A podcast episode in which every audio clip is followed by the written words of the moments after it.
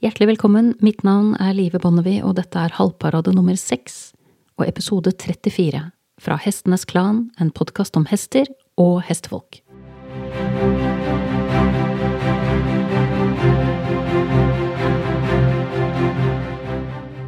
Dave Tind har sin klassiske trenerutdannelse fra Tyskland, men det som gjør ham særlig interessant i mine øyne, det er at han har lagt en fireårig utdannelse i Fellenkreis-metoden på toppen.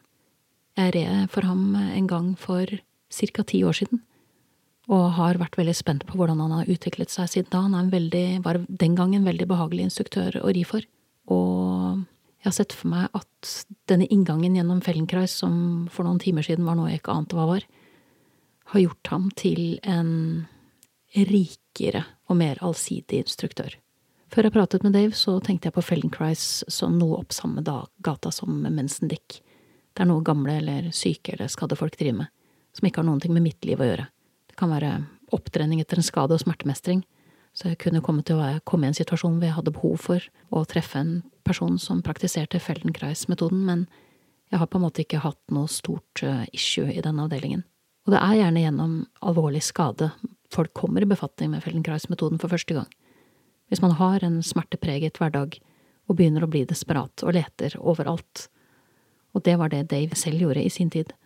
Han fikk en alvorlig skade, og gjennom Feldenkrais så fant han en vei der han kunne leve smertefritt så det Dave har gjort nå, det er at han har valgt å inkorporere Feldenkrais i undervisningen av sine elever, og det er fordi metoden dypest sett handler om en bevisstgjøring av bevegelser og reaksjoner i sin egen kropp.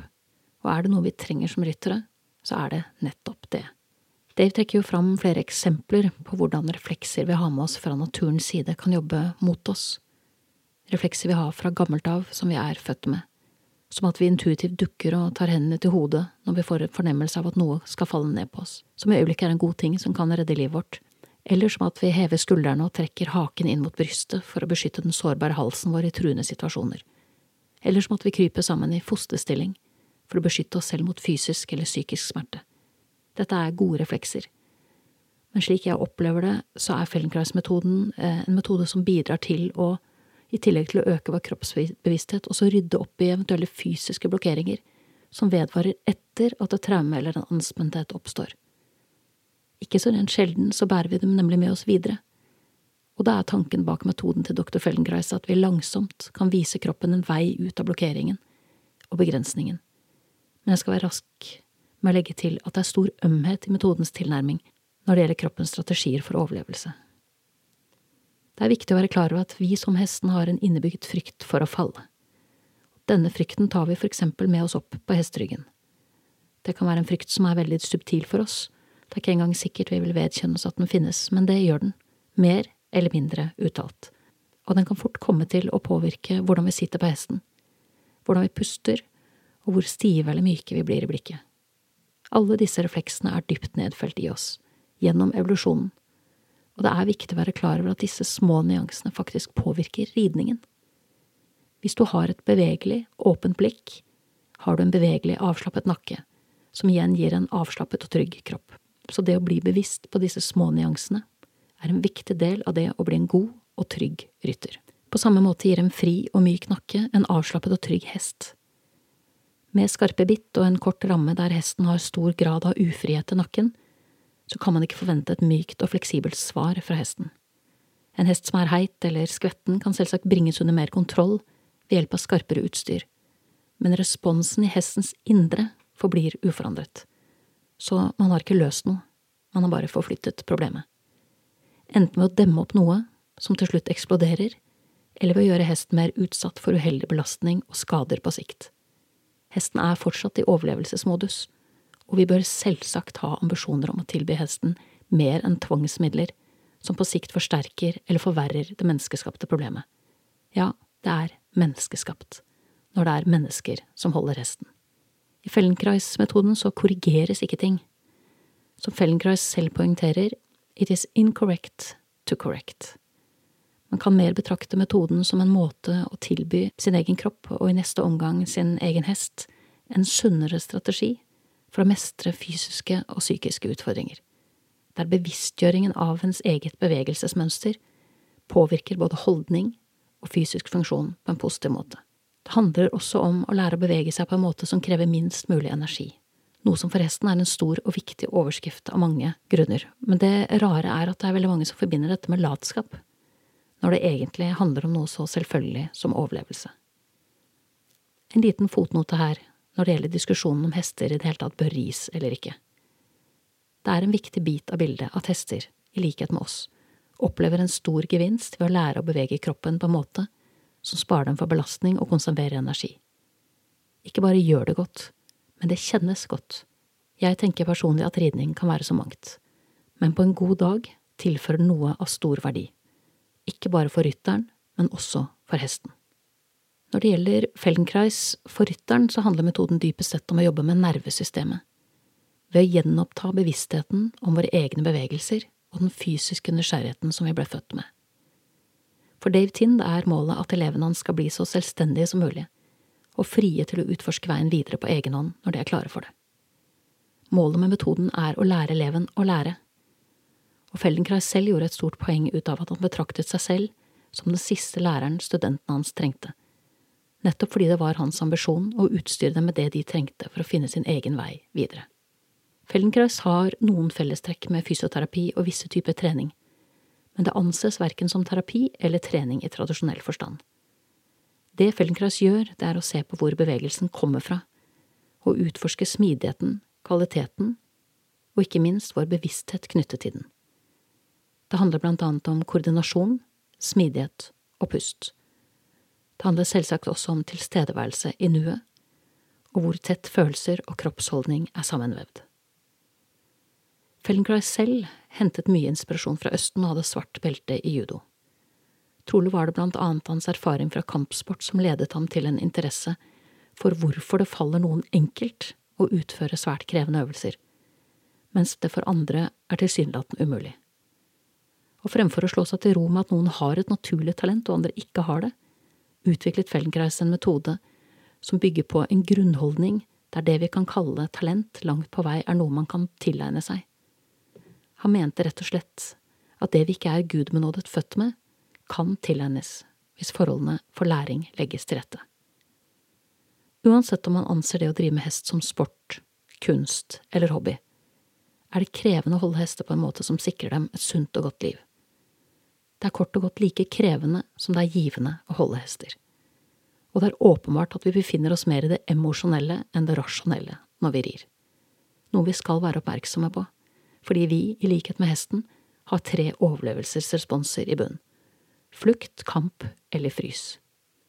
Dette og mer til snakker jeg med Dave Tind om i intervjuet som ligger i sin helhet på min engelske søsterpodkast. Og med dagens intervju med Dave Tind følger et bonussegment i form av en introduksjon til Fellenkreis-metoden, der Dave snakker deg gjennom en økt på drøye 20 minutter. For meg, som kjørte denne økt med Dave i sanntid da vi spilte inn intervjuet, ble det en interessant opplevelse. Det man gjør, er å legge seg på et hardt underlag. Trenger ikke være rett på gulvet slik jeg gjorde, men det er et poeng at underlaget er fast, fordi det åpner for en annen samtale med kroppen. Det første som slo meg da jeg selv la meg ned på gulvet for denne økten, var at jeg jobber altfor mye. Det var som om kroppen ropte det mot meg. Men da økten var slutt, så innså jeg interessant nok at jeg så ting litt annerledes. Jeg har for all del nok å gjøre når jeg kombinerer en fulltidsjobb i en såpass krevende bransje som filmbransjen, med både podkast og forfatterskap. Men i løpet av økten med Dave innså jeg at det dypest sett handler om hvordan jeg disponerer tiden, og i hvor stor grad jeg tvinger kroppen min til å trekke opp skuldrene og gjemme hodet i halsgropa. For man trenger ikke stresse seg opp selv om man har mye å gjøre. Det er faktisk et valg, og man kan velge å la være. Intervjuet med Dave skulle egentlig ikke bli sendt før om en måned, men det slo meg at det riktige tidspunktet egentlig er akkurat nå. Når det allerede står en dør på gløtt i livet ditt, og du kan velge å gi deg selv en frisk start, og kanskje ta tak i flere ting som kan gjøre livet bedre. Knyttet til bevegelse, som denne episoden handler om. Når danset du sist, for eksempel? Lot deg omhylle av musikken, lot kroppen følge rytmen og kjente sevja stige. Når gikk du sist en tur i skogen og sanset skogen fullt ut? Kjente duften av bark, av nedbøren som faller eller har falt, og tok deg tid til å lytte til skogens berømte ro. Når så du sist dine nærmeste dypt i øynene og spurte hvordan de faktisk har det?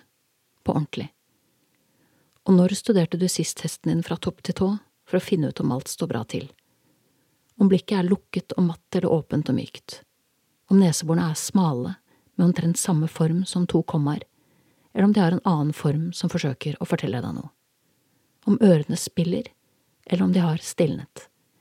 Om nakken er låst eller fleksibel?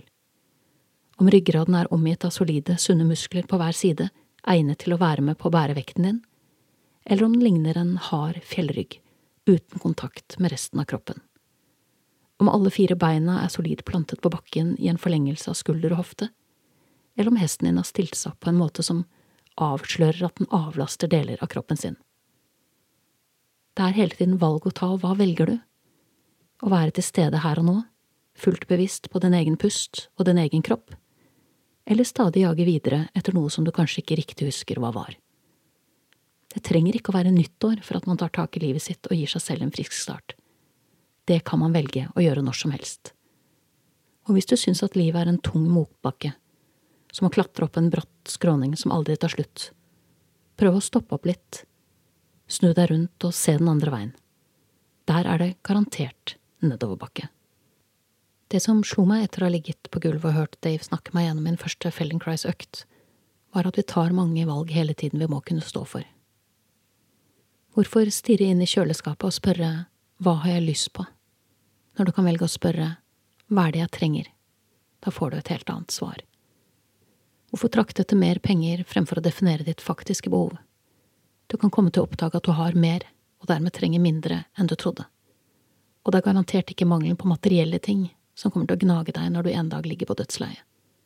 Hvorfor jobbe overtid i tide og utide på bekostning av familien? Det er ikke sorgen over at du ikke tilbrakte mer tid på jobben som kommer til å ri deg dine siste timer. Nei, det du kommer til å ønske at du kunne gjøre om igjen, er å nyte de små øyeblikkene som egentlig var store, og du kommer til å undres over at du ikke kjente større glede over alle mulighetene som lå foran deg. Du kommer til å tenke på opplevelser du har delt, og gangene du utfordret deg selv til å ta sjansen på å gjøre det du egentlig ikke våget. Du har nettopp hørt Halvparade nummer seks og episode 34 fra Hestenes Klan, en podkast om hester og hestefolk. Det jeg har også spilt inn et ekstra bonussegment denne uken. I episode 35 får du en innføring i Fellenkreis-metoden. Det tar deg omtrent 20 minutter, men jeg anbefaler deg å sette av en halvtime. Det er viktig at du har et fast underlag å ligge på, og det er en stor fordel om du finner tid og sted der du kan ligge uforstyrret.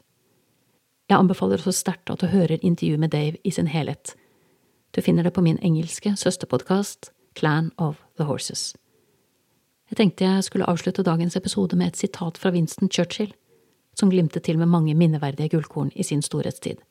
Dette er et av mine favorittsitater.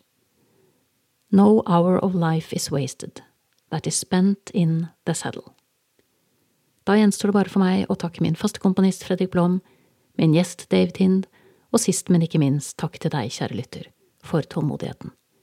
Måtte hesten for alltid være med deg.